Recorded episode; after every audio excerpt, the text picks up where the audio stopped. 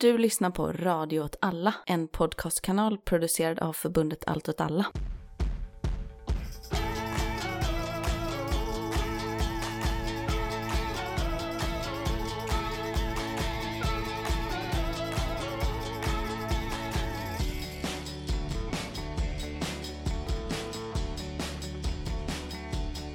Hej och välkommen till Eldrörelse Udda krig och perspektiv. med mig Martin Hansson. Och med mig, Myran Andersson.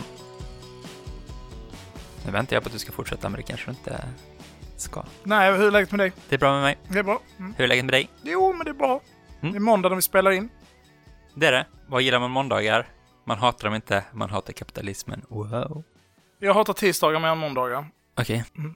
Jag har inte just nu några sådana dagspreferenser.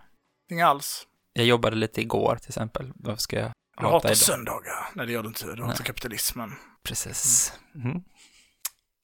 Ska vi sätta igång? Ja, om inte jag ska prata om tisdagar. Okej, varför hatar du tisdagar mer än måndagar? Nej, jag eh, tänker att på måndag kan man ändå vara lite taggad. Nu börjar veckan. Ja, men nu kör vi. Ja. Nu är det nya bullar. Tisdag är det bara så långt till fredag. Ja, då är det så här. Nej, det var precis likadant som förra gången. Nu är den långa, långa ökenvandringen. Ja. Kapitalet band två. Ända hela vägen fram till eh, Band tre. Mm. Till Det blir kul. fredag. Jag vet inte. Jag har varken läst eh, tvåan eller trean. Nej, men ettan är ju bäst. Det är det man säger. Är den bangern? Jag har inte heller läst tvåan och trean. Men man Tycker jag vet är ju. pinsamt. Det, bry- det bryter Ja, lite mot vet. din persona. Står det några roliga grejer i den eller? I tvåan och trean? Mm. Nej, men trean är väl bara jättemycket tjat om jordränta hela tiden. Mm. Och då kan vi dra ett roligt skämt som eh, Mattias Våg drog på Twitter och fick noll likes Ja, på. förtjänade han. Vissa tror på tomten, andra tror på jordränta. Fattar du? Tomten. Ja, ja. Tomten. Ja. Ja, ja. det är kul. Nej, det var svagt. Jag tycker det är jättekul. Du gillade det. Vill du ha något annat jätteroligt? Får jag läsa upp ett citat från det här? Det här är ett citat från Erdogan till SVT. De eh, diskuterar då den här eh, liksom, relationen mellan Sverige, i och med att eh, vår tomte, Ulf Kristersson, har tagit makten i Sverige. Så eh, diskuterar de eh, samarbetet, liksom. Det här mötet i Ankara, när, när Ulf Kristersson var där och la blommor på Kemal Atatürks grav och så. Då säger Erdogan så här till SVT. I våra diskussioner har målet varit att se över Sveriges attityd till terrorism. Fyra personer har hittills utelämnats. Men för tillfället finns en person kvar i Sverige. Och då känner jag lite att när jag läser det, är det här Erdogans bild av Sverige så förstår jag att han tycker att vi är rätt uppstudsiga. Att det finns en person Ja. kvar, det är en person. Det är Eh, Ulf. Ja, men då tänker man väl kanske då, han, Turkiet, det är nära Medelhavet, det är varmt, det är trevligt bredd. Då tänker jag att det är så att, att vi var fem, de fick fyra av dem. Och sen roterar man in liksom, man blir liksom statsminister över Sverige. Då är man också personen som bor i Sverige. Och så Just bor det. de andra, liksom, någon annanstans, något varmare, trevligare land. Då känner jag väl mer att han borde vara så, ska de här verkligen ingå i NATO? Eller liksom, är det här så vi- viktig grej liksom? 2% av BNP. Det är ingenting. Vad känner du för månad? Ja, det, är ju, det blir det ju inte mycket med. Nu inte med ammunitionspriserna nu så kan, kan det bli två, tre askar, 5,56 du har liksom råd att köpa med. Skämt åsido, ska vi prata lite Turkiet eller? Absolut. Börjar vi nu med nyhetssvepet. Vi kan köra ett nyheter. Vi kan säga så här, innan du spelar jingeln, Just det. att det här avsnittet blir lite speciellt för att jag har genomfört en intervju med Volodja. Det gjorde jag för typ en vecka sedan. Vi kör ett nyhetssvep nu på måndagen innan avsnittet släpps så att vi kommer prata lite nu och sen så kommer vi eh, hoppa över till intervjun med Volodja. Och det är det som blir liksom själva huvudbiten i avsnittet. Ja. Okej, du spelar in.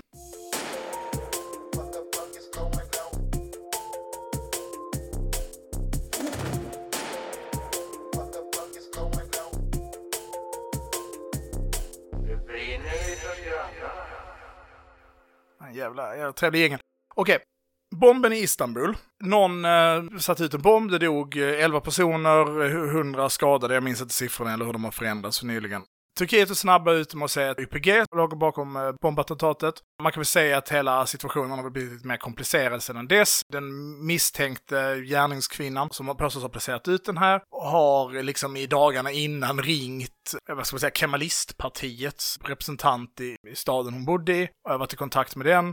YPG och PYD säger vi liksom aldrig haft kontakt med den här kvinnan, vi har ingen aning om vem det är. Det visar sig att hon är syster till en befälhavare inom FSA, inom en grupp inom FSA. Precis. Och hennes egen story som vi får höra den, som liksom man rapporterar från förhören. Så det kan väl i princip bara vara MIT som sitter och skriver ner hennes uttalanden då. Jag tror inte man har sett några videoband där hon själv säger det här liksom. Men det är ju typ så här, hon reste från Idlib till Manbij och där blev hon kär i någon som var med i YPG och sen så blev hon anklagad för att vara spion och då så tvingade de henne att åka till Istanbul för att annars skulle YPG döda hennes familj. Så borde inte den bo i Idlib då, där YPG inte kan döda någon? Alltså, jag, alltså extremt konstig historia, så liksom.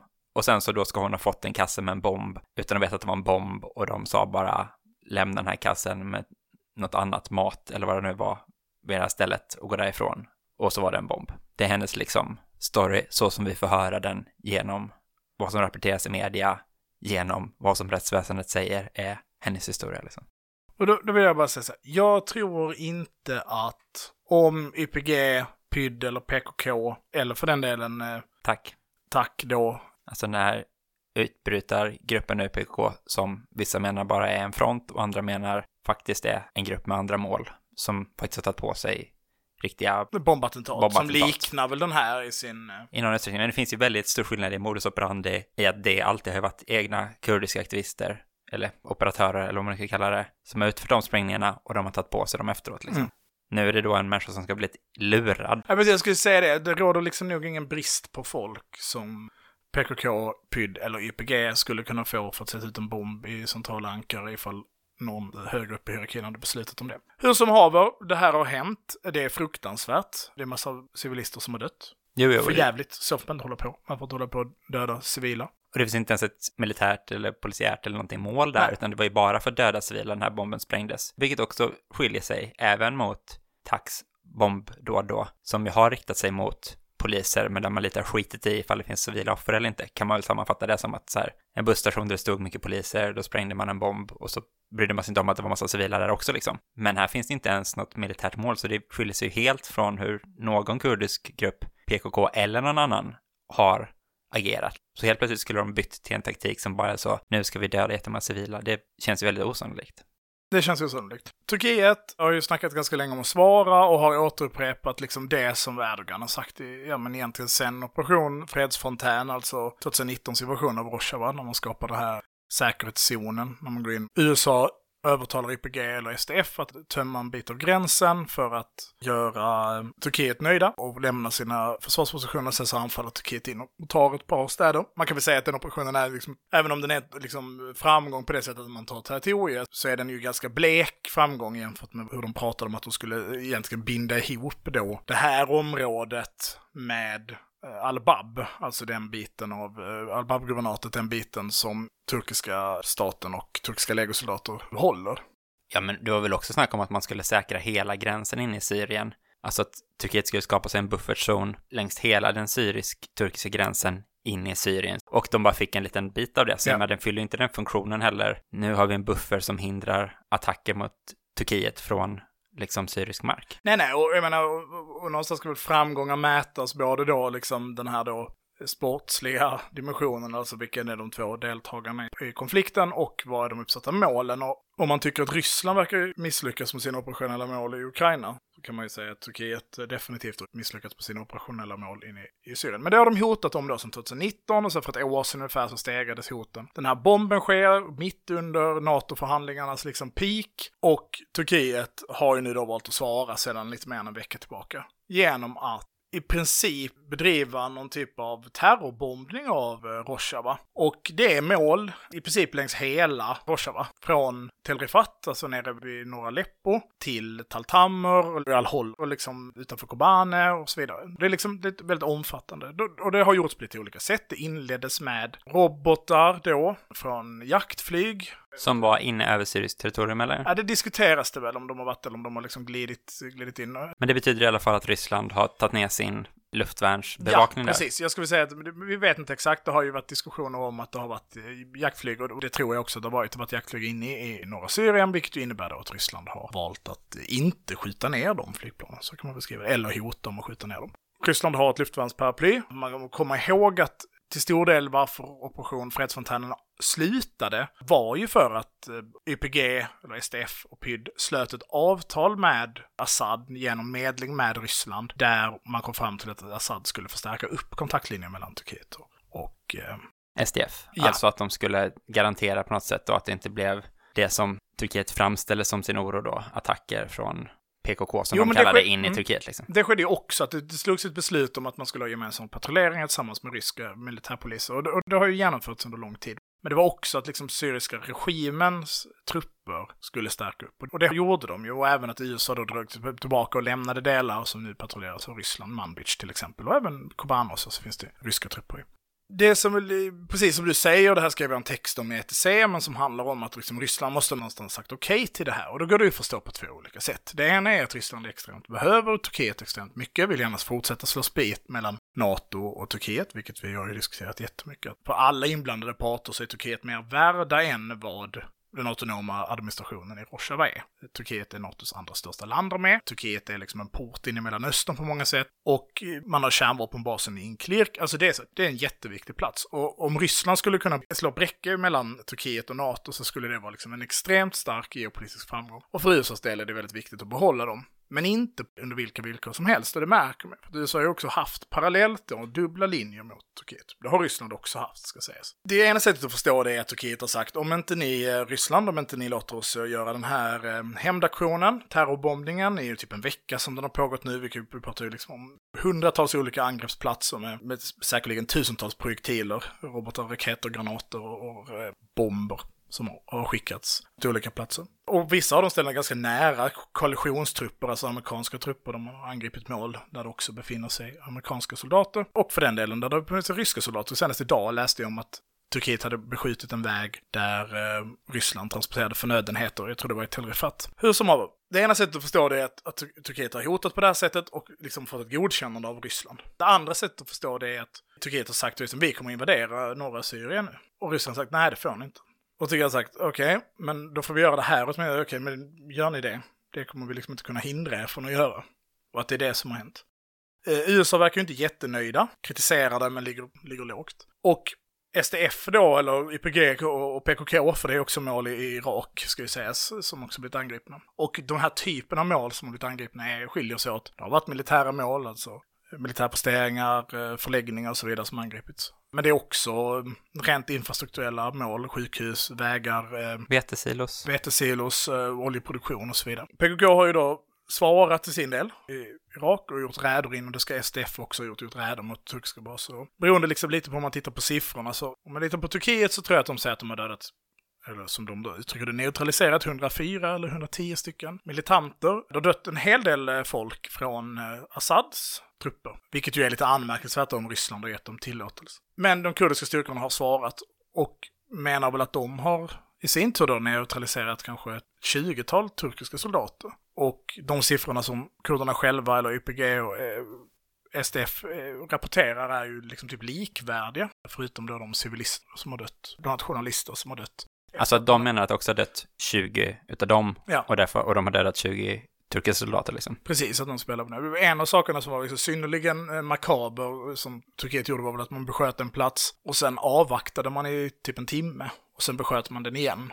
När det är ambulanser där liksom. Mm, ambulans och journalister som då blir utsatta för hot. Nej men, och, och allt det här sammantaget så tänker jag att Turkiet har ju fortsatt prata om att de behöver genomföra en eh, militär operation, att de behöver liksom få slut på terrorismen en gång för alla och så vidare och så vidare. Men även om, om delar av TFSA, de turkiska liksom proxystyrkorna i Syrien har gått upp i högsta beredskap och jada, jada, jada. Och det har ju varit skärmytslingar på sina ställen. Så finns det ju egentligen ingenting som tydligt tyder på att Turkiet mobiliserar trupper eller gör förflyttningar, grupperingar som gör det redo för en ny invasion. Det kan ju hända och det har flyttats trupper och jag skulle tro att de, om det sker en anfall eller en ny offensiv så tror jag att den kommer vara riktad mot Tel Rifat i norra Aleppo. Det är liksom som en ficka lite mellan Assad-territorium och eh, ja, turkiska proxystyrkor då, så man skulle kunna täppa igen den på något sätt liksom. Mm. Men det är spännande ifall det visar sig nu att det är liksom någon TFSA-milis som har begått det här bombdådet i Istanbul. För liksom, det framkommer ju uppgifter lite som tyder åt det hållet, just eftersom hon då var släkt med en högt uppsatt befälhavare därifrån. Han kanske har blivit gripen nu eller något, finns det någon rykte om i alla fall. Och det skulle ju kunna finnas något motiv då i att liksom de tycker att de har blivit, inte fått det vad de har blivit lovade av Turkiet på något sätt liksom. Och ifall det är fallet så är väl det ganska svårt att dölja antagligen för turkisk media. Det är för liksom, eh, det är för öppna uppgifter som kan spridas genom social media och så, så man kan inte antagligen förtiga dem helt och hållet. Då skulle liksom hela svepskälet man använder för att motivera det här faller ju då. Så det är ju en potentiell intressant utveckling som kanske ändå ligger utanför Erdogans makt liksom. Vad som framkommer i den här liksom utredningen av bombdådet och så. Samtidigt är det med en sån skitstat. Så för liksom i Turkiet spelar det kanske ingen roll. Ja, alltså jag inte, inrikespolitiskt så blir det väl så ifall alla går runt och tycker att Erdogan har använt ett fejkskäl för att motivera den här invasionen. Det tror jag kommer påverka hans popularitet. Jo, men då måste det verkligen vara så en journalist som lyckas bryta igenom bullret.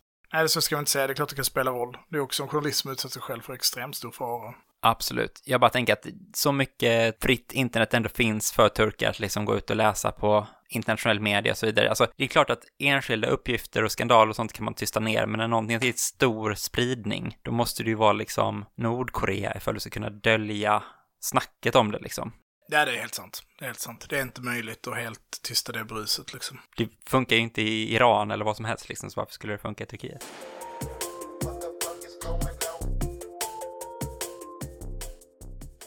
Det har varit stökigt i Kina. Det har varit stökigt i Kina. Vi har ju ett tag haft mycket snack om Kina i den här podden, men sen så har det varit väldigt mycket fokus på Rojava och Ukraina på senaste, får man väl ändå säga. Men nu är det liksom en protestvåg som har svept den senaste veckan nu och det återstår väl att se hur det utvecklar sig. Nu är det väl liksom någon sorts tipping point här känns det som, liksom att eh, antingen fortsätter protesterna växa eller så blir de kvävda nu. Så vi får se när avsnittet släpps på torsdag så kan det vara åt vilket håll som helst. Men det handlar väl väldigt mycket om deras covid-strategi. De har ju den här, kallar de det zero covid själva? Deras strategi. Om ingen aning. Att, eh, Inte äta fladdermöss. Ja, precis. Nej, de ska liksom stänga ner alla områden och städer och allting där man börjar få utbrott.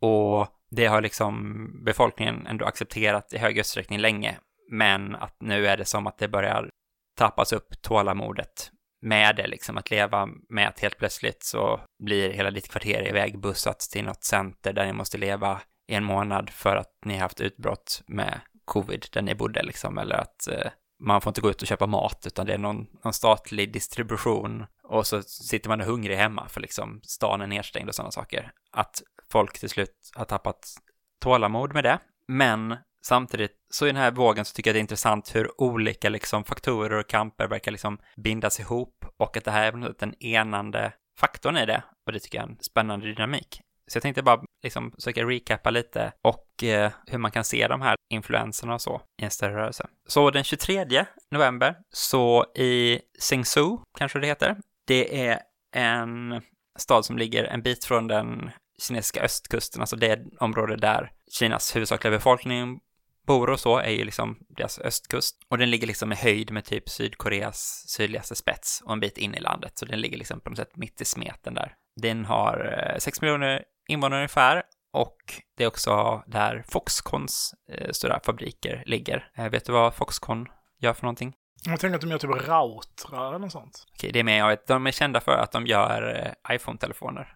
Ja, För Apple har ju inte egna fabriker, utan det är Såklart. utlisat på något sätt i Kina. Så Apple har ju nu gått ut och sagt att tyvärr så kan leveranstiderna på iPhone 14 komma saktas ner. Det är fruktansvärt. Attans bananer. Men där verkar det som, och jag har försökt läsa på lite, att i och med covid har ju som folk lämnat stan i någon utsträckning, för att då är det ju större risk att man blir utsatta för den här lockdownen ifall man är kvar på landsbygden är det inte riktigt samma sak. Folk är väl liksom migrantarbetare, den här, alltså som alla urbana center i Kina har ju den växt oerhört mycket på senaste. Jag tror att den har typ kanske dubblat sin befolkning sedan 2010 eller någonting liksom, och, så, och nu är det 6 miljoner invånare som, som eh, folk är väl inte så rotade där heller, liksom, utan man har någonstans man kommer ifrån och sen så har man flyttat för att arbeta i stan liksom. Då behövde de ju fylla på med arbetskraft på något sätt, så då har liksom man varit ute och värvat väldigt mycket folk för att komma in och arbeta i de här fabrikerna, till exempel en Foxconn då, mot löften om vissa löner såklart då, och mot löften om vissa bonusar. Och det folk vill ha bonus till är ju inför det kinesiska nyåret. det är då man spenderar mycket pengar, liksom. det är deras största högtid. Och sen då har det liksom, efter att folk har börjat jobba där och man typ bor väl och jobbar kanske på fabriken eller i baracker jämt och så, att det är liksom en sluten värld på något sätt, framkommit att de inte ska få de här lönerna i tid till nyår, då kanske de ska få lägre löner än vad man har sagt och så. Så då har det varit stora protester där folk inne på fabriksområdena har haft demonstrationer och det har blivit liksom ganska hårda clashes med säkerhet och med poliser och så. Och folk har liksom, du vet, vänt polisbilar, drivit bort vakter med dem och kastat saker på dem. Vakterna har slått med typ järnstängen på folk och så. Så som ett klassiskt gott eh, Upplopp i början av 1900-talet. Ja, eller i någon liksom sydeuropeisk stad när det brakar on, loss på riktigt, eller liksom någon Eller sån... spring break. ja, precis. Så tänker jag att spring break är. Man skjuter inte på varandra Nej, liksom. nej, nej, det är inte det, utan det är bara de här ma- masskravaller. Det håller igång, det. liksom. Ja, det håller igång på något sätt. Och då är ju en del av det är ju de här lönerna och så, men det är också en del av det är ju de här, att man protesterar mot de här covid lockdown villkoren och liksom att man är instängd på den här fabriken. Man kanske inte, fast man har testat att man är inte smittad, får man inte lämna fabriken och sånt för att de bara klumpar ihop alla och behandlar dem likadant. Okej, det var den 23 stora protester. Den 24 så i Urumqi, eh, ligger i Xinjiang, som ju vi känner till för att, Uigurerna. precis, det är den provinsen där det händer, Östturkestan, som man ibland säger också. Oj. Där var det ett kvarter med ett ett eh, bostadshus som började brinna och det sägs liksom att folk fick inte lämna huset för att det var i lockdown liksom. Så då brann man inne och det dog tio personer minst liksom. Det var officiella källor säger, men vissa menar då att det är cover-up, att det är fler som har dött och så. Och de ska vara uigurer i alla fall, många av dem som dog liksom. Och då bröst det också ut då protester mot de här covid-lockdown-villkoren, att det skulle varit orsaken till att folk brann inne. Och sen då så spreds, och det här, Rumshi är liksom också så här fyra miljoner, så jag menar det är ju en stor stad jämfört med en svensk stad, men i Kina är det inte så stor ändå, eller inte våldsamt liksom. Men sen så spreds även protesterna till Shanghai till exempel, som ju har haft en väldigt hård lockdown i våras. Och sen spred det sig till Beijing, som ju är Kinas huvudstad, där det inte brukar vara tillåtet med protester så att säga, för att det liksom ska ju hållas ordning där. Wuhan, som ju är känd för covid, liksom, och att de har haft extremt hårda covid-restriktioner där är också Så protester. De är också en 11 miljoner stad och så, och eh, Chongqing, det låter ju rasistiskt när jag säger det, men jag tror att det är så det uttalas, en stad med 12 miljoner invånare och Chengdu med 15 miljoner och så vidare. Alltså många av de riktigt stora kinesiska städerna har sett sådana här protester. Jag tycker det är svårt att bedöma på Twitter-filmer och så. Hur många är det egentligen som deltar? För även ifall det är tusen personer i en demonstration, liksom, vad betyder det i jämförelse med en 12 miljoner stad? Liksom? Det är svårt att säga, men det är i alla fall uppenbart att det har som spritt sig mycket på sociala medier och även att det är liksom en grej i Kina då, liksom att folk skriver om, de är bannade på de här restriktionerna och hur absurda de är ibland. Ja, det är i alla fall liksom en sån våg som har märkbart stor spridning. Och som sagt, jag tycker det är intressant hur man kan se liksom hur de här sakerna på något sätt då kommer samman, att det är liksom klassiska bara arbetarfabrikskamper, men med ett covid-element. Och sen så har du att folk sörjer de här människorna som har brunnit inne och det kanske finns något moment av det här skulle inte hänt ifall inte vi var uigurer för att vi har sämre villkor liksom. Och sen så är det som även studenter som deltar i de här protesterna i de stora städerna. Och det är i protester mot liksom hur kommunistpartiet funkar. Och eh, det finns ju en pågående en bostadsbubbla som håller på att spricka och så folk är förbannade på det och misskötsel av det liksom. En av uttrycken för protesterna är att man håller upp så här bara A4-papper som är vita. Men här liksom alla vet ändå vad som skulle stå här men det är censuren förbjuder det. Det är lite likt eh, det som hänt i Ryssland under protesterna mot kriget också. Vilket är spännande då att man liksom knyter ihop eh, Precis, men vet du vad de plockar upp det från i Ryssland? Iran. Ja, från Hongkong från början. Från Hongkong, just Så det. det är Så Hongkong-protesterna som liksom lever vidare på något sätt i ett spöke här liksom. Så det, det är så mycket som knyts Mm. in i liksom, i referenser i alla fall. Jag såg också något klipp där de studenterna sjunger Internationalen som liksom ett hån mot så här typ, ja, allt ska bli bra för alla, spräng bojorna liksom, men när vi sjunger det så är det mot er liksom. Ja, men det handlar om frihet och liksom självbestämmande och, och liksom rätten att få skapa sitt liv och inte liksom duka under under oket och så vidare.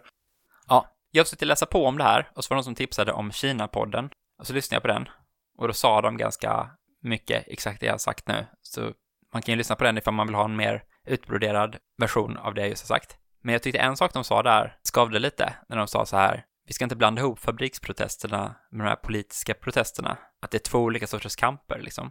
Det kan man ju tycka är en leninistisk take då, att det ena är tredje unionistiskt medvetande, där folk bara vill ha högre löner, medan det andra är politiskt då, för att man vill ha bättre levnadsvillkor. Jag vet inte. Jag tycker det är en lite konstig uppdelning, för jag tänker att eh, just när man har den här enande frågan i att man är emot hur covid hanteras, så knyter det ändå så ihop de här kamperna på något sätt. Och jag tänker att folk är inspirerade av att ha sett klipp på fabriksprocesserna, på de här sorgmanifestationerna mot den här branden och, så liksom, och sen så det spinner det vidare och blir de här protesterna mot hela systemet och så. Och att det på något sätt så en rörelse med potential byggs och stärks liksom att olika grupper som har olika incitament på något sätt ändå hittar varandra och hittar praktiker, lär sig av varandras praktiker och så och upprepar dem och, och, men samtidigt tar de nya riktningar och sånt. Jag håller på att skriva en text om TV, Star Wars tv-serien Andor. Ja. På ett sidospår. Som handlar ganska mycket om det här. Alltså den här idén om... Spoila inte nu, jag har bara sett de tre första. men, men som handlar ganska mycket om den här idén om att uppror eller politiska konflikter i grund och botten handlar om ideologier eller religion eller tankar liksom. Men att det handlar så mycket mer om sår. Mm. Och att det är väldigt sällan vi förstår sår som politik liksom. Utan det är alltid Talibanerna är superfundamentalister eller Thomas Jefferson var en frihetsälskare eller eh, Nelson Mandela ville ha jämlikhet. Alltså Mm. att man aldrig, Säg, de här jävlarna har gjort det här mot oss. vi ska hämnas, Ja. basically. Och att ju mer auktoritärt och, och, Vidrigt systemet är på något det- sätt. det- liksom, ju svårare har den väl att hantera, den kan liksom skjuta upp någonstans eh, konflikten. Men när väl konflikten bryter ut, då Mm. har den väldigt få verktyg att hantera det med. Och det kan vi ju se i Iran nu, vi borde verkligen prata mer om Iran egentligen. Det är fullständigt vedervärdigt det som händer där. Nu hinner vi inte det. Jag lovar att vi måste återkomma till Iran. Och just att den här idén om att man kan separera de här kamperna, men båda två handlar om de här såren skapade av vad man upplever är statens eh, eller maktens eh, liksom Misskötsel Ja, och... och samhället liksom att man får lida för det. Och lidandet, beroende då på välfungerande eller välmående samhälle man har, så är det ju lidandet i olika grader liksom. Men om människor dör, brinner inne och, och ingen straffas, ingen blir skyldig, alltså då har vi ju BLM liksom i USA igen, att så här, men du, man kan skjuta upp det, man kan liksom ljuga, man kan dölja det, man kan göra vad man vill, men till en viss punkt så kommer folk säga så, men det är färdigt nu när jag har mördat min bror, eller när jag har mördat någon som jag identifierar som mig själv, eller det här påminner mig om det såret som jag har upplevt genom det här orättvisa samhället jag har skapat. Och då kommer det explodera. Och demokratier tenderar till att vara skickliga på att hantera det här. Det har vi pratat om mycket. Eftersom att de kan ge eftergifter, eller de kan... erkänna att man är fel på ett annat sätt. Ja, Bara det och man liksom. kan men och- skeppa runt lite i hierarkierna Precis, och så. man liksom. kan byta ut ledningen liksom och så. Mm. Så Men kan någon alltså- få betala priset på något sätt liksom. Mm. Men i diktaturer så är det... Den yttersta ledningen får ju sällan betala priset för att falla i systemet. Men det, det finns ju någonting med att, eh, vad fan heter han nu, Xi Jinping? Är det ledaren i Kina? Det här måste man ju kunna. Herregud. Du får klippa det annars. Vilket är något extremt pinsamt. med Xi, att han har ju konsoliderat makten till sig själv väldigt kraftigt på senaste, efter partikongressen som just Mm. slutade liksom, så sitter det bara folk som också är ansvariga för covid-hanteringen i den högsta ledningen. Så ifall någon ska rensa bort honom så måste de liksom gå själva och då måste liksom toppen på något sätt huvudhugga sig själv för att det ska kunna bli att den yttersta ledningen straffas. Liksom, annars är ju Kina på något sätt, till skillnad från andra diktaturer, så är det ju liksom en partidiktatur där på något sätt partiet ändå har någon möjlighet att bestämma vilken sin topp är själv på något sätt. Att det inte, att det inte bara är en person som äger hela makten. Det är ingen sån absolut monarki. Nej, det blir liksom vibb att liksom som Nordkorea Saddam eller så. Ja, eller vad så. som helst. Liksom så, utan det funkar det är lite som på ett att annat sätt. Kuba inte är Irak. Liksom.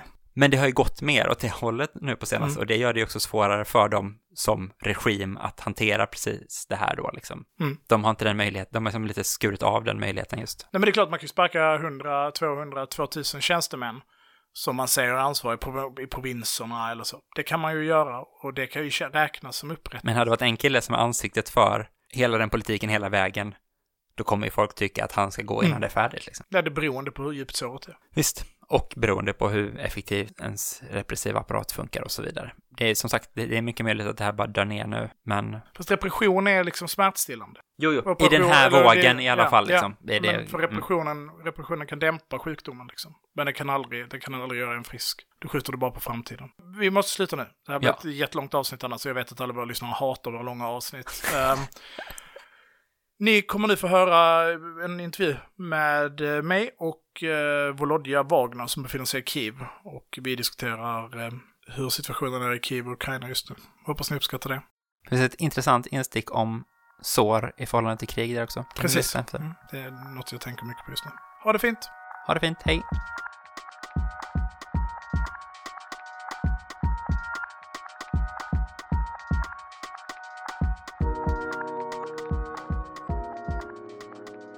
Hej Volodja! Sveriges ledande expert på Östeuropa. Det är väldigt kul att ha med dig. Du sitter i Kiev. Japp. Hur säger man det på ukrainska? Jo, det ska man inte fråga mig kanske, men det är typ Kiev Kiev. istället för Kiev. Nu skulle jag försöka säga Kiev är här. Kiev dom betyder det... För dom är hus, va? Ja, Vad är hemma? Doma. Doma. Förlåt, vi ska inte prata mer om mina knaggliga ryska kunskaper. Jag kämpar ju på med dem. Ja. Eh, Hur länge har du varit i Kiev? Några dagar nu. Ja, vad är det? Fyra, fem dagar eller något? Ja, när vi spelar in det här så är det den 23 november. Så det är ett tag innan ni lyssnare får möjlighet att höra det här. Så det kan man ju ta hänsyn till om det kanske har hänt något helt bisarrt som vi inte kommenterar. Då är det då för att det alltså är onsdagen den 23 november när vi pratar. Du har varit där eh, nästan en vecka alltså. Ja, lite knappt. Och du är där i jobbet. Japp. Du eh, skriver så att fingrarna blöder. Ja, inte riktigt. Jag har mest eh, möten och träffar folk och pratar med folk. Och sen får vi se hur mycket text det blir av det hela. Men eh, lite ska det bli. Mm. Du har varit eh, mycket i Kiev innan krigsutbrottet. Nej, inte alls faktiskt. Jag har varit här en gång innan kriget när stämningen var helt annorlunda och vädret var mycket trevligare. Ja, just det. Hur är vädret där nu? Jo, men det är lite kallt. Eh, Det har varit minusgrader de senaste dagarna och sen runt eh, liksom fryspunkten, vilket har gjort att det är ett helt eh, fantastiskt magiskt vinterlandskap med massa träd som, har sig, som är täckt i is, alltså alla kvistar. Så det ser jättefint ut.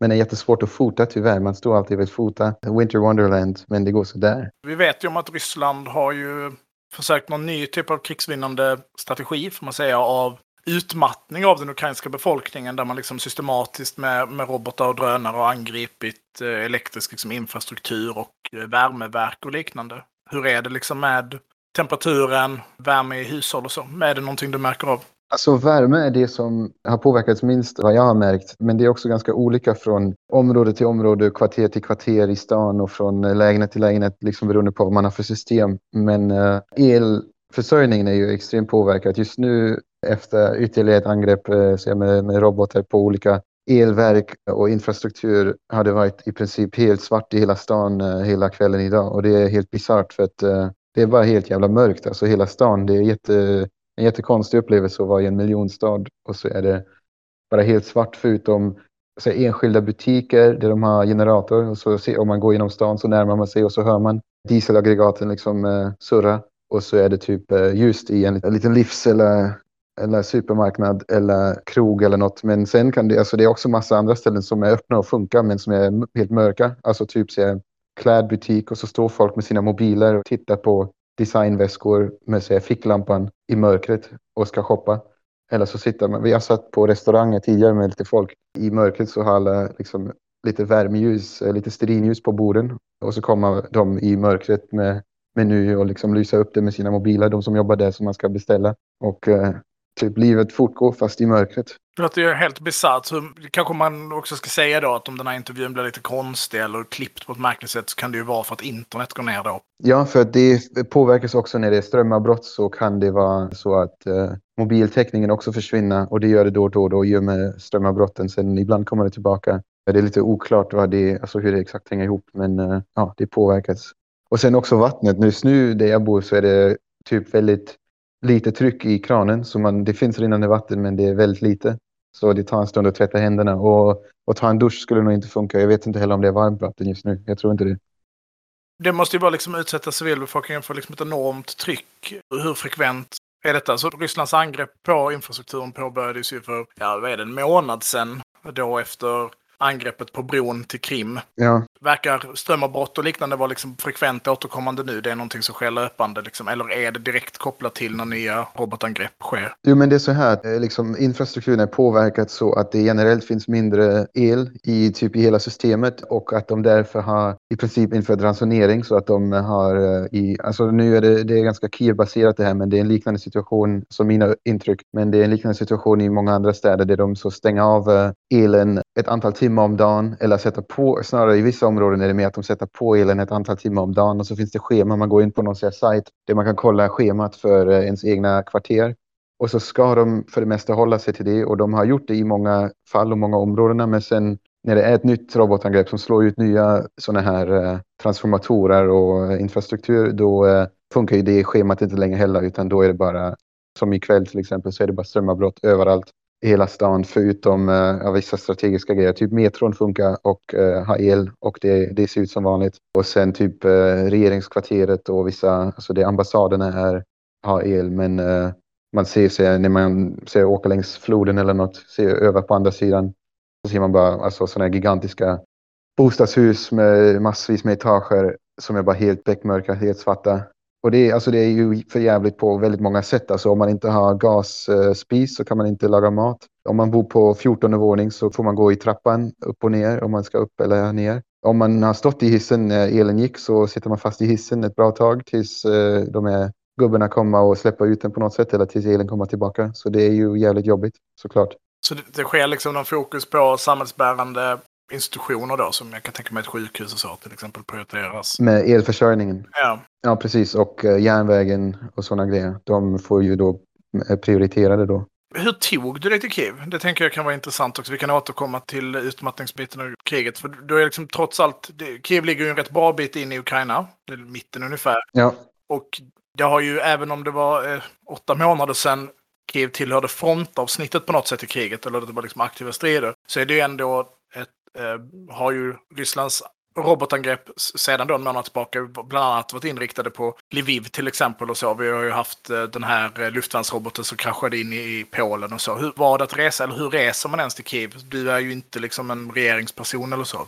Nej, men och ironiskt nog tror jag att jag reste på samma sätt som regeringspersoner. Det är möjligt att jag åkte på samma tåg som, vad heter den senaste premiärministern i Storbritannien, eh, Rishi Sunak, som kom fram samma, samma dag som jag. Och möjligtvis på samma tåg, det vet man ju inte för att de kör ju lite hemligt sådär. Eller så var det ett annat tåg, jag vet inte riktigt. Men eh, jag åkte på nattåget helt enkelt från Polen och då sätter man sig bara på ett tåg eh, i Warszawa och, och byta tåg sen eh, lite närmare gränsen där eh, de ukrainska tåg, som de ukrainska tågen kan åka till utan att byta hjul typ. För att de har ju det här sovjetiska systemet som inte kan åka hela vägen in till Europa utan att byta hela så de här hjulen och det tar ju massa timmar.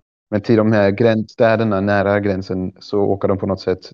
Dit finns det väl sådana räls. Så man byter från ett vanligt polskt tåg till det här ukrainska nattåget. Eh, och så finns det några olika sådana. Det finns lite olika. Det finns också något tåg som åker direkt till Warszawa. Och sen kan man åka buss och bil också. Det finns väl också. De på sätt och vis är, eh, ja, det är mindre bekvämt men också på vissa sätt mer pålitligt för att eh, ja, man kan alltid hitta alternativa vägar om det skulle vara något. Men eh, jag kom fram eh, på minuten eh, i tid efter vad det är, 14 timmar eller något. Så det gick jättebra. Precis. Alla möpar som lyssnar på podden vet ju om det här med de olika rälsstandarden då. Ja, För det var ju en stor grej under andra världskriget också. Att tyskarna var tvungna att bygga om sina tåg och ta tåg från röda armén eller ryska tåg för att kunna använda tåglinjerna. just det. Så liksom det är en passkontroll. Och så har man visum liksom, eller hur? Ja, så det är väl visumsfritt. Du får bara en stämpel om du har EU-pass och så frågar de ibland eh, vad som är syftet med resan. Ibland frågar de inte och så eh, säger man till exempel journalistik och så är de bara så här, ja, ja. Ja, och alltså, det är ju massa folk som åker. Det var mest kvinnor som ju kan röra sig fritt fram och tillbaka. Det är svårare för män i den här åldern där man kan vara värnpliktig. De får ju inte lämna. Krigsför ålder. Ja, exakt. Sen vissa får ju, om de är äldre eller om de har andra speciella tillstånd, typ om du har barn som är sjuka utomlands eller liksom själv har något, något undantag så kan du ju ändå åka. Men det var ändå påtagligt att det var mest eh, ja, ukrainska kvinnor då som åkte hem på besök eller för att återvända eller vad det nu kan vara på tåget. Det låter ju inte sådär jätteannorlunda från att resa någon annanstans i Europa. När ser man kriget? Alltså jag antar att man börjar se det till viss del redan inne i Polen på tågstationer och så med militär personal och så. Men när blir liksom kriget synligt på något sätt? Du har ju tidigare varit i Lviv. Ja, precis. Alltså nu i och för sig, i och med att jag åkte nattåg som då eh, lämnade Polen när det redan var mörkt så såg jag faktiskt inte så mycket överhuvudtaget på vägen eh, genom landet. Om det hade varit ljust hade man nu sett mycket mer. Så för mig var det verkligen så här morgonen att eh, stiga av i, i tågstationen i Kiev där man ser stiga av tåget och så är det bara, alltså dels bara massvis med folk som inte ser ut som de bara kommer hem från semester utan har massa grejer med sig och så vidare och eh, sen massa soldater på eh, tågstationen ganska rejäl säkerhetskontroll på vägen in i tågstationen där det står folk med kulspruta och kollar väskor och sånt. Och återigen att det är helt jävla mörkt. Alltså jag kom fram ganska tidigt så det var fort, det var innan solen gick upp och redan då märkte man ju det är typ, ja, alltså ingen gatubelysning Och ja, det var mörkt för det mesta. Och sen när man åker genom stan, och det ser man ju sen mer alltså på dagen när man åker runt i stan och så, så är det ju väldigt synligt att det, ja, men dels är det militärt på många ställen, olika byggnader som bevakas av folk med vapen och sen är det massa sådana här försvars, så att säga, improviserade försvars, ja vad kallar man sånt för? Alltså säga sandsäckar, sådana här stridsvagnshinder och massa sådana grejer som ligger längs med alla stora vägar, alla större korsningar, alla stora torg, alla liksom, lite större motorvägar in och ut ur stan. Och de har ju röjts ur vägen då, så, under, så i början av kriget låg ju de såklart eh, alltså på vägarna för, så att ingen kunde åka. Men sen nu ligger de vid sidan av vägarna och så är det lite så bunkar liknande grejer som har byggts upp i betong med så kamouflagenät över som eh, delvis bemannade. Där, vid utkanten av stan när man kör in och ut ur stan så är det ju så checkpoints där soldater står och kan om de vill så stanna bilar och kontrollera folk och sånt. Ja, Kiev var ju då tidigt i kriget ändå liksom utsatt, eller stod inför risken av någon typ av belägring, alternativt faktiskt liksom strid om staden. Så det är också en stad som någonstans har förberett sig på, på krig. Ja. Och befinner sig såklart i krig, men jag menar med marktrupper på något sätt. Ja, och en sån detalj som det är lätt att glömma bort i och med allt som har hänt och så vidare är ju också att det ju var strider typ i stan, alltså rätt så centralt i den här märkliga krigsföringen som Ryssland hade där man hade någon idé om att ta huvudstaden så på några dagar. De skickade in folk ganska långt in i stan och det finns ju folk som upplevde skottväxling och beskjutning från marktrupper rätt så nära centrum till och med av olika sådana här mindre, vad man kallar sånt för. Sabotageförband eller? Ja, precis. Eller små mobila förband som så skickades in och som nog i många fall tror jag inte det gick så bra för. Alltså jag antar att många av dem togs till fånga eller dödades av de här ryska, men eh, som ändå kom ju väldigt eh, långt in i stan också. Ser man liksom luftvärnssystem utställda? Så, alltså ser du vad ska man säga, liksom tungt krigsmateriel? Stridsvagnar, är det robotsystem, radar, alltså den typen av saker? Nej, inte så mycket sånt faktiskt. Det har jag inte sett så mycket av. Eh, så jag vet inte om de, de är väl utplacerade kanske på mindre synliga ställen och liknande. Kanske i skogarna runt omkring stan. Det har jag faktiskt inte så bra koll på. Inte sånt som man har sett så mycket, utan det som man har sett i se, eh, militär alltså rörelse har varit mer personbilar, lastbilar och sånt som kör runt. Lite sådana här lite tyngre, lite så bepansrade fordon men inte, inte så jättemycket tungt beväpnade. Alltså lite mer sådana här Mad Max-grejer, att säga någon pickup truck som eh, man, det, det har liksom byggts på en så stor kulspruta på flaket men som mer kör runt. Alltså det kanske tillhör någon frivillig förband eller något sånt. Men inte så mycket sånt faktiskt. Massa med troféer, massa med ryska stridsvagnar som har förstörts eller liksom eh, erövrats liksom. Som man har ställt ut som troféer i på olika ställen i stan. Finns det här och var. Det är en stad som då, alltså det har varit krig i åtta månader. Det är el, strömavbrott löpande eller liksom ransonering av elektricitet på något sätt. Hur ser liksom demografin ut? Om du jämför liksom med en liknande stad, vad är skillnaden? Alltså på vilket sätt ja. upplever man skillnaden rent liksom mänskligt på något sätt? Jag vet inte, det är precis det jag har tänkt på eh, och pratat med folk om. Och alltså jag har inte, det har inte varit så extremt att jag liksom tänkt på hela tiden att det skulle till exempel vara mycket fler män i stan, vilket det nog är rent eh, statistiskt tror jag. Det är det säkert eftersom många kvinnor och barn har lämnat och män ju inte får lämna för det mesta. Men det är inte heller så pass påtagligt att man jämt tänker på det. Men typ eh, någon tjej jag pratade med sa att hennes, någon, någon kompis, tjejkompis sa, som var tillbaka i stan sa att Tinder hade blivit mycket bättre för att det är en massa killar ja, som är ensamma som går och hittar på Tinder. Alltså det var lite, så, lite halvskämtsamt men det väl ändå eh, reflekterar att, eh, att unga män inte får lämna landet och sitta fast där. Men liksom, är det brist på varor? Eller upp liksom i mataffären? Du beskriver liksom att man kan köpa väskor och kläder som ingenting. Upplever man liksom ja. någonting ransonering? Alkoholförbudet är hävt, eller hur? Ja, man kan köpa alkohol men bara vad det var efter åtta eller nio eller något får man inte ta med sig sprit från affären. Utan då får man sitta på krogen och även krogarna stänga tidigare, typ eh, vanligtvis nio. Ikväll åtta tror jag av någon anledning i samband med angreppet och eh, strömavbrottet i stan idag. Alltså det här heltäckande. Så att eh, det är lite begränsat med partylivet så att säga.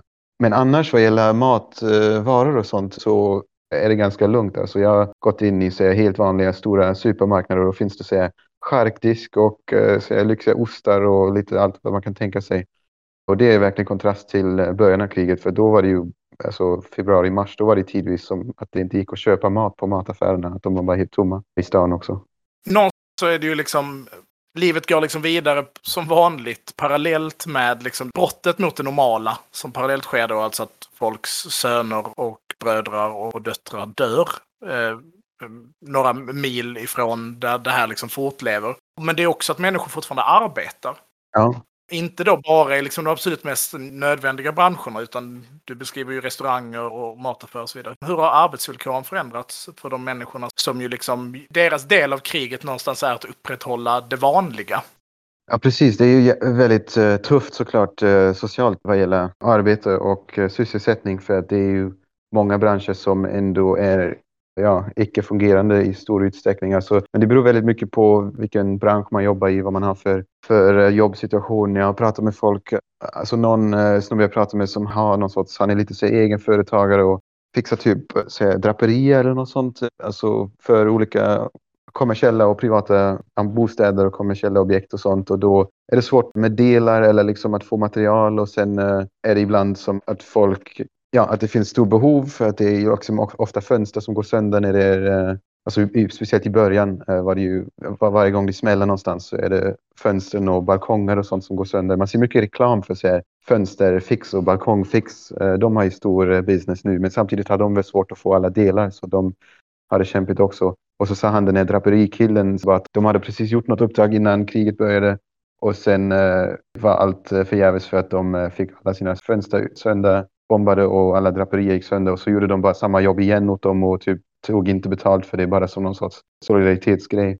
Så det är väldigt olika. Jag hängde med lite eh, järnvägsarbetare tidigare idag som eh, sa att det var väldigt tufft för dem för att de får mycket mindre. De liksom får typ en sorts månadslön men de får också mycket så OB och sånt när de åker långa sträckor och åker på nätterna så att de får mycket mindre inkomst också ju, mycket, ju mindre de kör helt enkelt och eftersom det är mycket mindre godstrafik. De jobbar med godståg eftersom det är typ noll handel och godstransport mellan Ryssland och Ukraina och Belarus och Ukraina förstås men också mycket mindre inom landet i och med kriget så jobbar de mindre och får eh, mindre betalt på grund av det. Och så ansåg de sig själva ännu som eh, mer lyckligt lottade eftersom de i alla fall har jobb kvar och de får betalt i tid, bara mindre då. Jämfört med, med folk som bara inte har något jobb överhuvudtaget för att, för att eh, industrin de jobbar i, eh, om de jobbar i någon större anläggning som har bara lagt ner, ja att de bara sitter hemma och inte har något att göra. Så det, ja, det är väldigt tufft för många och väldigt olika också från bransch till bransch. Så du menar att järnvägsarbetare inte har lika mycket arbete nu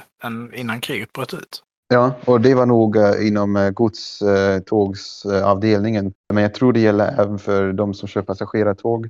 Och uh, gällde även, jag, jag tänkte säga, jag frågar, men vägs det inte upp av så, militära transporter? För att de kör ju också runt uh, alltså, militärt material. Och det är då en ny sorts uh, källa för jobb då åt dem, men det väger inte upp för eh, den civila handeln och transporten som pågick innan kriget. Då. Ja. Och då var det, de här var lokförare då? De jobbade inte med att reparera järnväg eller så? Ja, exakt. För det tänker jag. Nej, men de, nej precis. De, så det var lite intressant för att det gör de, alltså de är också ansvariga för att eh, underhålla sina lok och sånt. Och också det är knepigt för att till exempel eh, behöver de reservdelar för att uh, underhålla de här ganska så gamla 70-tals sovjetiska lokarna. Och de delarna kommer inte längre i många fall. Vissa av dem kommer från en fabrik i Donbass som i och för sig ligger fortfarande på ukrainsk kontrollerat territorium men ligger nära fronten och är bara helt nedlagt. Så att de har också väldigt svårt att underhålla sin utrustning som de annars skulle gjort vanligtvis. Och det är liksom en extra utmaning också vid sidan av allt annat. Man läste ju artiklar ett tag sedan nu, men där man liksom såg att Zelenskyj drev igenom lagar och så som begränsade rätten till strejk till exempel, eller facklig organisering och, och den typen av liksom situation där liksom arbetsvillkoren försämrades på grund av kriget. Eller de ja. motiverades i alla fall med liksom krigsutbrottet och plikten ja. i någon mening. Var det någonting folk pratade om? Jo, men det, det, var också, det är bara ytterligare en faktor att de inte kan eh, strida för sin sak heller. Att de, ja men nu i och för sig, alltså de får ju fortfarande löner. Alltså det hade ju annars varit en sån grej man hade kanske strejkat över om de hade uteblivit eller så. Men det är också på ett större politiskt plan till exempel att sjukvården eh, utsätts för alltså, olika nedskärningar och eh, begränsningar som gör att eh, de själva också upplever det som hotfullt att deras jobb är farligt och de kan skadas och då vill de gärna ha bra tillgång till sjukvård och hade kanske demonstrerat eller strejkat för att, att de fortsätter att ha det. Men eh, det kan de inte göra nu i och med att de inte får eh, gå ut i strejk. Så att det är, eh, ja, den liksom fackliga kampen är ju väldigt eh, inskränkt just nu och det, ja, definitivt och det är ju gör det svårare för dem också att se till att de, ja, att de kan försvara sina intressen.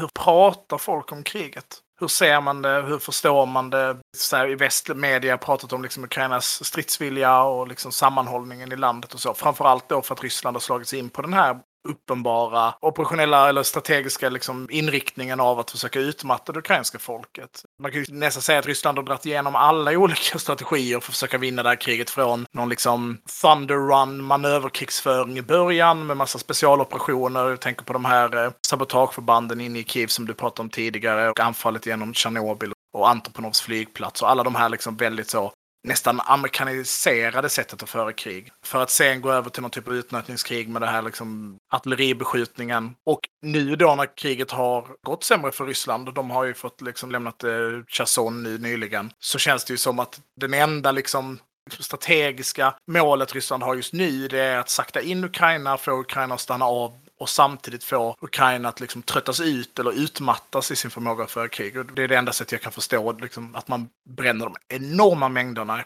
högteknologiska robotar som Kaliber till exempel, eller KH-101 och så vidare, som de beskjuter Ukraina med. Som för övrigt inte är slut. De skulle vara slut en vecka efter krigsutbrottet. Märker du påverkan? Hur pratar folk om kriget? Du var ju i Lviv tidigare, det är ju såklart det är en bra bit mellan Lviv och Kiev, men hur resonerar folk som du pratar med? Ja, det finns ju såklart olika åsikter och det är svårt att sortera eller få en uppfattning av vad som eh, folk känner innerst inne och vad de säger för att de eh, inte vill bidra till någon sorts eh, defitism eller liksom eh, undergräva varandras moral. Så det, det är liksom eh, stridsmoral. Det är väldigt svårt tycker jag att, att känna av eh, vad man säger med, med övertygelse och vad man säger av någon sorts pliktkänsla. Vilket ju i och för sig på ett sätt också visar att man liksom har en sorts eh, inre disciplin. Om det nu skulle vara så att de, för det är väldigt många som säger vi klarar allt, vi klarar det här, vi har klarat så mycket. Vi skiter i om det är elavbrott, eh, vi fortsätter kämpa. De kommer inte lyckas brotta ner oss. Och så undrar jag ibland liksom om det är någonting man säger för att man gärna vill att alla ska känna så. Man vill bidra till den sortens pepp och även om man inte känner det innerst inne så visar det åtminstone att man vill liksom bidra till, till någon sorts eh, enhet och stridsvilja. Men eh, det finns ju också folk som, som inte uttrycker det så, eh, med så mycket övertygelse utan säger att det, det vore bra om man kunde få slut på det här, att man kanske ska bara ge dem något så att de ger sig, så att man kan, kan liksom komma på benen igen. Så det finns nog olika sådana perspektiv och jag tycker alltså det är så himla svårt eftersom det är lite slumpmässigt vad man träffar för folk ja, liksom känslan för vad som är den sanna stämningen i folket är så himla beroende av vem man precis har pratat med. Och det, jag tror att det är bara väldigt svårt att få någon sorts eh, facit eller liksom någon sorts tydlig överblick över vad som är den verkliga känslan i, i befolkningen i, i stort. Liksom. Eh, det, det som är också, eh, ja, och det, alltså, det är en intressant nyans i allt det här är att det kan vara så, alltså dels finns det såklart sådana politiska faktorer att beroende på hur man är lagt från början, alltså hur patriotisk, nationalistisk eller liksom eh,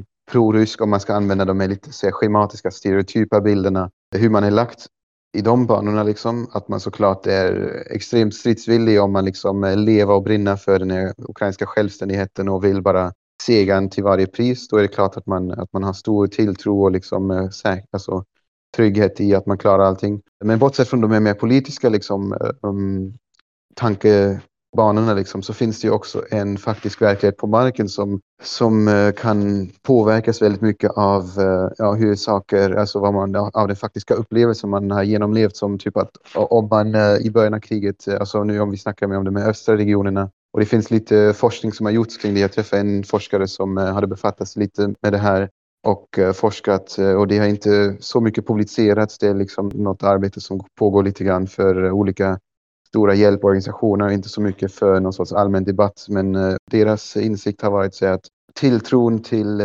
Ukrainas förmåga att återövra ockuperade områden och tacksamheten för att bli liksom befriat eller återövrat kan skilja sig rätt mycket i gräns i de här frontområdena beroende på om man upplevde början på kriget och den initiala ockupationen, hur blodig den var. Om ryssarna bara körde förbi, tog in området där man bor och sen eh, drog sig tillbaka i strid mot eh, Ukraina och så kan det ju för folk eh, bli så att, att kriget för dem började i och med befrielsen vilket ju då eh, inte är en sån härlig upplevelse och eh, gör att det eh, att det är mer traumatiskt. Medan om erövringen från ryssarnas sida var väldigt blodig och sen eh, återerövringen och befrielsen så att säga genom ukrainska styrkorna skedde mindre blodigt, då eh, är det mycket lättare att, att känna stor entusiasm kring eh, krigsförloppet och eh, liksom den ukrainska saken. Det handlar ju mer om de här frontområdena i östra Ukraina, men jag tänker ändå att det är ett intressant en nyans som det är lätt att glömma bort som inte måste vara determinerat av de här stora politiska meta-idéerna och hur man identifierar sig politiskt liksom, och geopolitiskt. Utan att den faktiska verkligheten kan ju påverka väldigt starkt hur man upplever krigsförloppet. Och, och det kan man väl kanske tänka sig gäller även beroende på var man bor, hur bra infrastrukturen funkar, om man har el eller inte och hur, hur mycket man har det, om man har rinnande vatten eller ej. Hur benägen man är att behålla tilltron till någon sorts eh, militär seger eller inte. Det har ju diskuterats då för att hantera den här strömavbrotten kopplat till, till den stegrande stegande kylan. Ukraina har väl sina kallaste månader framför sig. Den har väl inte riktigt börjat än. Och man har bland annat diskuterat tidigt nu i november så börjar man diskutera att eh, evakuera delar av Kiev. Har du hört någonting liksom av den debatten och diskussionen i Ukraina? Jo, eller också delar av Ukraina för den delen. Till exempel Cherson som nyligen återerövrades av Ukraina har en ganska svår situation vad gäller elförsörjning eftersom eh, ryska armén ju där drog sig tillbaka under mycket mer ordnade former än till exempel eh, från Charkovområdet eh, lite tidigare. Och då hann de i Cherson ju att dels eh, väldigt noggrant förstöra all infrastruktur och sen också minera de eh, förstörda transformatorerna och de här olika delarna av elförsörjningsinfrastrukturen, vilket innebär att det är extremt eh, långsamt för eh, Ukraina att återställa och reparera allt det där. För att de först måste deminera ja, något område där det ska stå någon sorts transformatorverk och sen när de har lyckats med det, vilket kan ta väldigt lång tid, då får de börja bygga upp det igen. Och då har man nu väl, vad jag förstår, om jag inte missförstått det, har man ganska nyligen gått ut med att man eh, vill faktiskt evakuera ganska stora delar av befolkningen där för att i lång och ro återupprätta elförsörjningen. Men även i Kiev, som du säger, så har det funnits sådana diskussioner. Det läckte ut någon sorts kommentar från eh, en av elbolagen där någon väl först kanske lite mer internt och sen blev det ändå en offentlig grej hade sagt att det inte vore helt fel om vissa kanske åkte utomlands igen. Vissa kanske som hade återvänt efter de här initiala krigsveckorna och månaderna. De hade återvänt nu under sommaren när allting verkade ganska lugnt och livet eh, pågick ganska mycket som vanligt igen i Kiev. Och att man nu kände att det vore bra för den generella elförsörjningen som då är begränsat och, och så vidare. Att, att inte alla höll sig här utan vissa åkte utomlands igen. Men eh, sen har man också dementerat igen. Jag var på en presskonferens med chefen för, för en av de stora elbolagen där någon frågade samma sak där han sa vi uppmanar inte till sånt, alltså det är inte heller riktigt deras jobb utan det får ju i sådana fall kanske presidenten tycka att man ska göra. Men att de gör vad de kan för att upprätthålla elförsörjningen och eh, det ska inte behövas, alltså evakuering ska inte behövas. Men det är klart rent matematiskt att uh, ju mindre el som behövs för folks mobiler och mikrougnar och, uh, och liksom tv och allt vad folk håller på med i sina lägenheter, desto lättare är det att försörja den infrastrukturen som verkligen behöver el. Så det uh, finns ju liksom en viss uh, sorts enkel matematik i det hela. Så man får se. Det beror nog mycket på hur uh, omfattande de här angreppen kommer fortsätta att vara, hur väl de lyckas och ja, försvara sitt luftutrymme och, och sen hur väl de lyckas och fixa och upprätthålla elförsörjningen trots de här angreppen. Men det som han sa, elchefsgubben där som jag lyssnade på, var att det inte fanns ett enda elkraftverk förutom de kvarvarande kärnkraftverken under Ukrainas kontroll som inte hade blivit eh, på något sätt skadat och träffat. Så eh, skadorna är ju extremt omfattande och eh, prognosen är väl att elransonering verkar komma fortgå alltså fram tills på våren i bästa fall, alltså även om, eh, om det inte blir några fler eh, lyckade angrepp från ryssarna så att säga så kommer det vara en tuff situation. Och Underförstått betyder det om, om ryssarna lyckas slå ut mer och ha fler sådana här framgångsrika anfall, då eh, är ju risken överhängande att det kan bli någon sorts total sammanbrott. Och det är ju en ganska mörk föreställning i ett land som ändå är liksom i ett modernt samhälle där allting eh, ändå beror väldigt mycket på eh, att man har el i, som sagt, i sådana här höghus med 14-15 våningar där man behöver åka hiss och där det inte alltid finns möjlighet att laga mat eh, utan el och där varmvattenförsörjningen inte alltid funkar utan el. Det mobilnät inte funkar helt utan el och det är eh, ja, också vattenförsörjningen som sådan, bara rinnande vatten, också påverkas i slutändan av elbrist.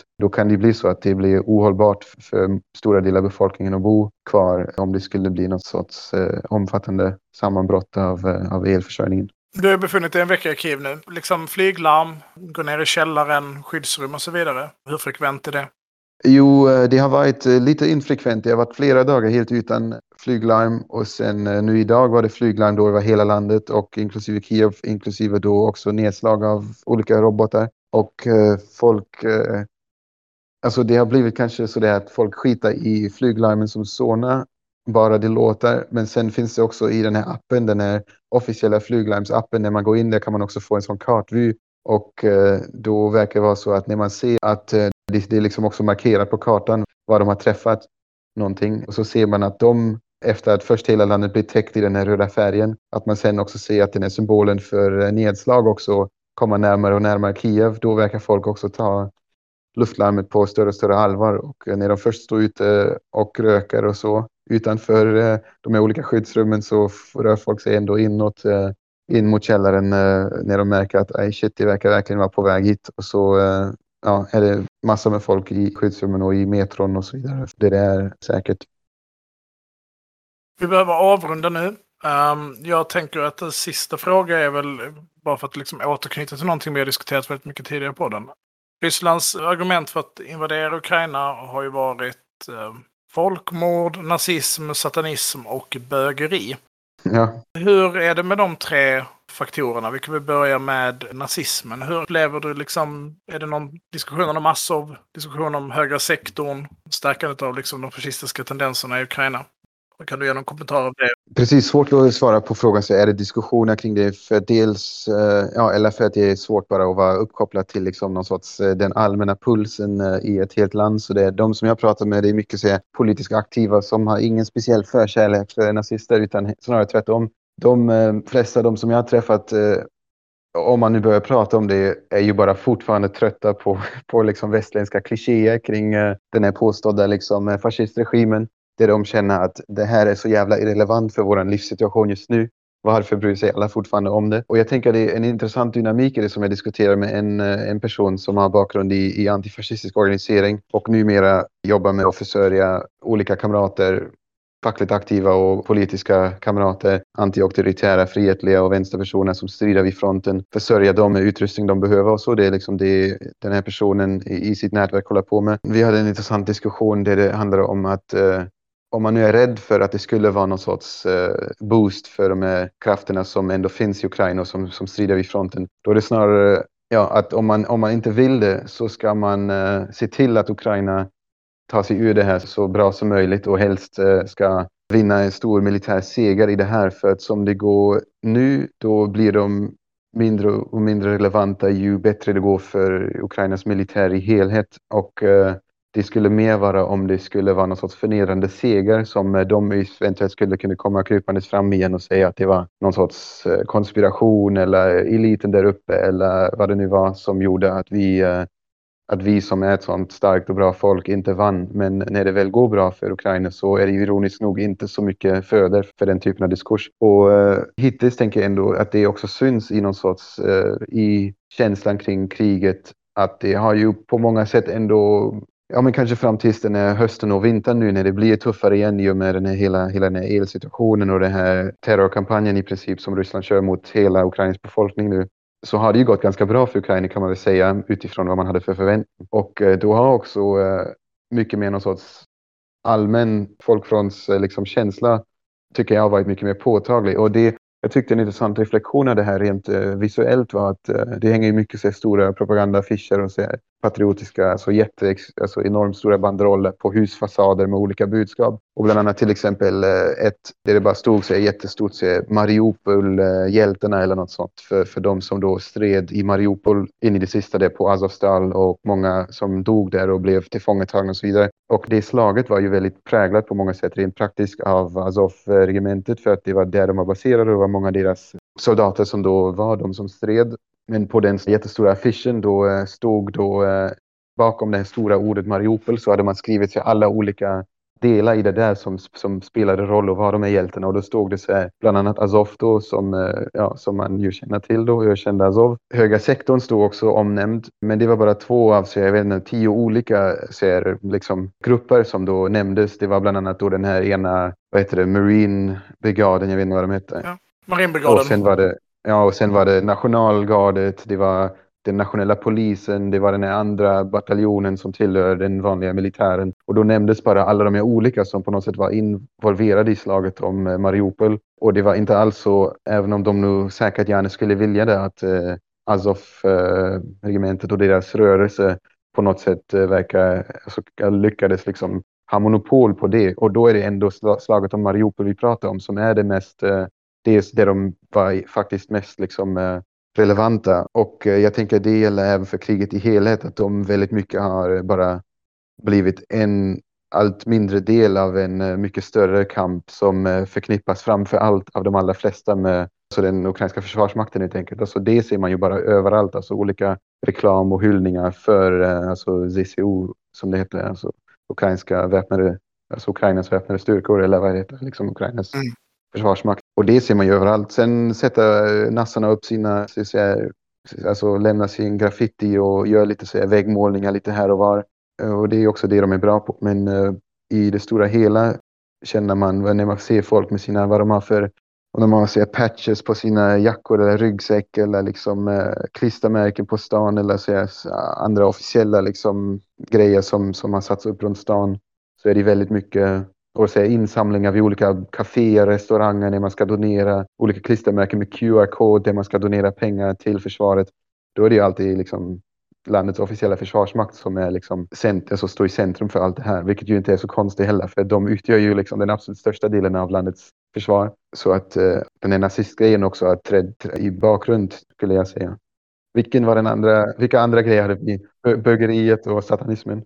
Ja, precis. Jag såg ju att eh, det var diskussion, om jag inte missförstod det, att förbjuda rysk-ortodoxa kyrkan i Ukraina. Jag tänker då på tal om satanism. Hur är någon satanism? Jo, nej, det var ju, alltså förbjuda, det vet jag inte riktigt eh, om det är liksom, eller eh, diskussion kanske finns, men det var ju en räd häromdagen på, från SBU, alltså ukrainska säkerhetstjänsten, mot en här, historisk, alltså en här sevärdhet i, i Kiev som är sådana här jättevackra gamla, ett sånt eh, klosterkomplex som finns här jättefint beläget så uppe på kullen med utsikt över floden. Jättefina gamla så, guldkyrkor och så. Och de tillhör då den kyrkan som eh, fram tills väldigt nyligen hängde ihop med ryska ortodoxa kyrkan, alltså samma som finns i Ryssland. Det har ju funnits, eh, man har ju liksom brutit loss en stor del redan under Poroshenko, under förra presidenten. Det var ju hans stora grej att liksom lansera en egen ukrainsk ortodox kyrka som då många har anslutit sig till, men den andra finns ju också kvar. Men de bröt också band officiellt sett med sin ryska motsvarighet som ju då väldigt, väldigt aktivt stöttar Putin och kriget och hela propagandan. Men trots allt gjorde man en räd och eh, SPU gjorde en eh, razzia mot dem eh, häromdagen och eh, man sa att man gjorde det för att man visste att de eh, höll på att sprida liksom eh, prorysk propaganda om den så kallade ryska världen som ju Putin mycket pratar om. Alltså det här med att, att eh, Ukraina och Ryssland hör ihop och att, att man är ett folk och allt det här. Ja, och vad som alltså alla olika faktorer och liksom eh, saker som påverkar sån räd vill jag inte ge mig på att gissa kring för att det brukar ju i sådana här samband ofta finnas saker man inte riktigt känner till utifrån och så vidare och så vidare. Men eh, ja, man, man kan nog ändå säga att det finns eh, att de då har utsatts för en eh, sorts repression här nu. Eller att det är bara ett exempel på att man, man gör det och man från statligt håll från vissa delar av statlig, alltså från statlig håll verkar betrakta dem som fientliga eller suspekta såg här att eh, Europeiska solidaritetspartiet, alltså Poroshenko som du refererade till tidigare, som är Ukrainas förra president. Idag ska han ha lämnat in en motion till parlamentet om att förbjuda den rysk-ortodoxa kyrkan. Ja, just det. Ja, det. Så kan det vara. Ja. Ja. Det är inte det jag missat i sådana fall. Och eh, precis, man håller väl ändå på med lite sådär. Precis, Ukraina är ju trots krigstillståndet som ju också har medfört inskränkningar i, eh, i olika liksom, landets demokratiska friheter och så vidare. Alltså till exempel vad gäller medier, alltså att man har den här enhetliga tv-kanalen eh, som levererar nyheter där det inte riktigt finns så mycket mångfald. Alltså de eh, faktorerna har man ju. Men så finns det trots allt detta fortfarande också en viss eh, liksom pluralitet politisk inom vissa ramar och vissa gränser. Men man håller ju fortfarande då på om man är till exempel Poroshenko med någon sorts eh, alltså inte valrörelse, men vad, vad heter det, alltså att man bedriver politik också och vill liksom visa sig vara ännu mer patriotiska än vad de andra är och så vidare. Så det, det låter rimligt att han skulle komma med ett sådant förslag för att visa hur, ja, hur tuff han skulle vara som eh, president. Men jag tror att hans, alltså just nu verkar hans utsikter för att göra comeback lite begränsade. Jag tror ändå att eh, folk kanske har gått vidare lite grann från honom, men sånt kan ju ändra sig också, vem vet. Men eh, du, bara jag tänkte också eftersom du nämnde det här med folkmordet, om du var nyfiken kring den grejen, då nej, bara den här folkmordsgrejen, alltså att den har varit en av de mer löjliga aspekterna av de många olika anledningar som, som har nämnts från rysk håll till att man behövde inleda den här storskaliga invasionen av grannlandet så finns ju alltid ändå återkommande den här frågan kring språket. Och eh, såklart ironiskt nog, eller en sån här stor ironi i kriget är ju att man ju har gjort allt vad man bara kunde för att se till att eh, det ryska språkets ställning i Ukraina försvagats så mycket som bara möjligt liksom, genom det här kriget. Och det är ju ändå en väldigt stark opinion att många alltså, yngre personer väldigt aktivt nu har bytt till att prata ukrainska istället för ryska. Många kan ju både språk men bara är vana vid att prata ryska och har gjort det fram till februari. Och sen nu bara ut, alltså som en reaktion på kriget har de bytt till ukrainska. Det är ganska vanligt. Ja, typ om jag ska prata med dem så får man vara lite känslig och vara så ja men tyvärr jag kan inte ukrainska men går det bra om vi pratar ryska? Och de bara säger ja ja det är lugnt och så pratar man ryska med dem. Och så blir de glada om man säger typ tack och, eller hej och tack på ukrainska då, bara lite symboliskt. Men det som är så jävla absurd är ju ändå att bortsett från det och att folk har valt att göra så många så är det ju ändå hela jävla tiden att när man går runt i Kiev så bara pratar ju folk ryska också överallt. Alltså man bara sitter i något café, ett gäng bara pratar bara på ryska. Några andra sitter och pratar en blandning. Den ena pratar bara ukrainska, den andra bara ryska. Eller då byter, då byter de fram och tillbaka. Man ringer någon i telefon så byter man plötsligt till det andra språket. Alltså det vet ju alla som är från Ukraina eller har varit här liksom att det är så. Men att det är fortfarande så, trots det här vansinniga kriget, det bara gör ju, alltså bara visar hur löjligt den här tanken är om att man skulle ha alltså de mest överdrivna vanföreställningar som man har spridit i ryska tv-propagandan om att man skulle bli liksom eh, eh, lynchat på gatorna om man bara pratar ryska eller allt vad det nu kunde vara. Det är liksom så långt från verkligheten trots det här enorma, liksom, den här enorma motreaktionen som ryskan ändå har fått i och med kriget. Och en kompis som jag berättade häromdagen när vi körde runt i stan var så här, alltså, som en sorts analogi på allt det här, alltså bara Rysslands hela grej, vad man har gjort här med det här kriget. En sån rolig analogi för det är att det, vi körde förbi um, ett universitet som blev träffat för ett antal veckor sedan med, med robot och eh, det finns en, en slavisk avdelning, alltså slaviska, för slaviska studier på det universitetet och eh, det stället som, eh, som roboten träffade var då kontoret för de professorerna för eh, det ryska språket brukar sitta och ha kontor. Så om något, alltså det är liksom som en sorts sammanfattning på vad det kriget har åstadkommit som skulle då enligt Putin hämta hem de här borttappade stackars ukrainarna som har blivit hypnotiserade av CIA och George Soros till att vilja prata ukrainska, att man skulle hämta hem dem in i famnen för Storryssland. Och det man har gjort är att bara ha bombat sönder det sista, eller inte det sista, men uh, stora delar av den kvarvarande liksom, uh, goodwill eller liksom varma känslor eller liksom gemenskapskänslor som ju väldigt många ändå i sin vardag liksom levde, alltså vad gäller det ryska språket till exempel. Och att då precis att man med sin robotattack lyckas slå ut och den ryska avdelningen på eh, en av universitetens, eh, på, på universitetet här på slaviska eh, fakulteten är bara som en eh, rolig och, och tragisk, ironisk liksom, eh, analogi för allt det här. Och sist då, när vi avslutar. Det tredje argumentet är ju då för att stoppa hbtq-influenserna inne i Ryssland och rädda kärnfamiljen under och att vi ska få ha kvar mamma och pappa istället för förälder ett och två. Hur, eh, Kiev är väl en av de ställen som ändå haft en levande gayscen för att tillhöra Östeuropa på något sätt, framförallt jämfört med Ryssland då. Ja.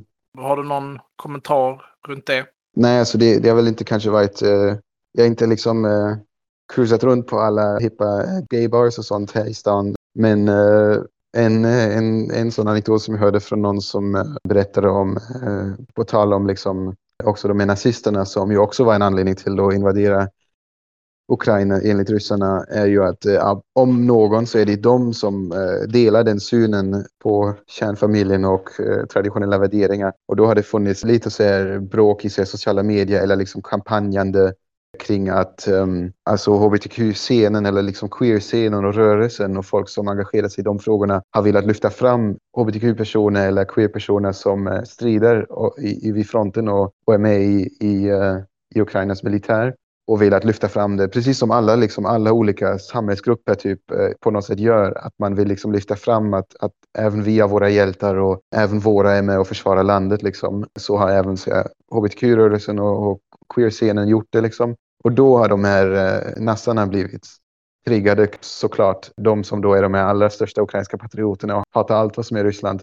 I den frågan kommer de väldigt väl överens med Putin ironiskt nog och då har de varit såhär, nej men det där är skit liksom, de ska inte besmutsa vår fina militär, ni ska lägga av med eran bögskit liksom, uh, ukrainska soldater ska inte vara bögar eller, eller någon sån skit. Men det, då, det kommer då från de här uh, naziga liksom, uh, falangen inom uh, de här frivilliga förbanden. Och det har då varit något som spelat ut sig mellan de olika politiska scenen på eh, sociala medier bland annat.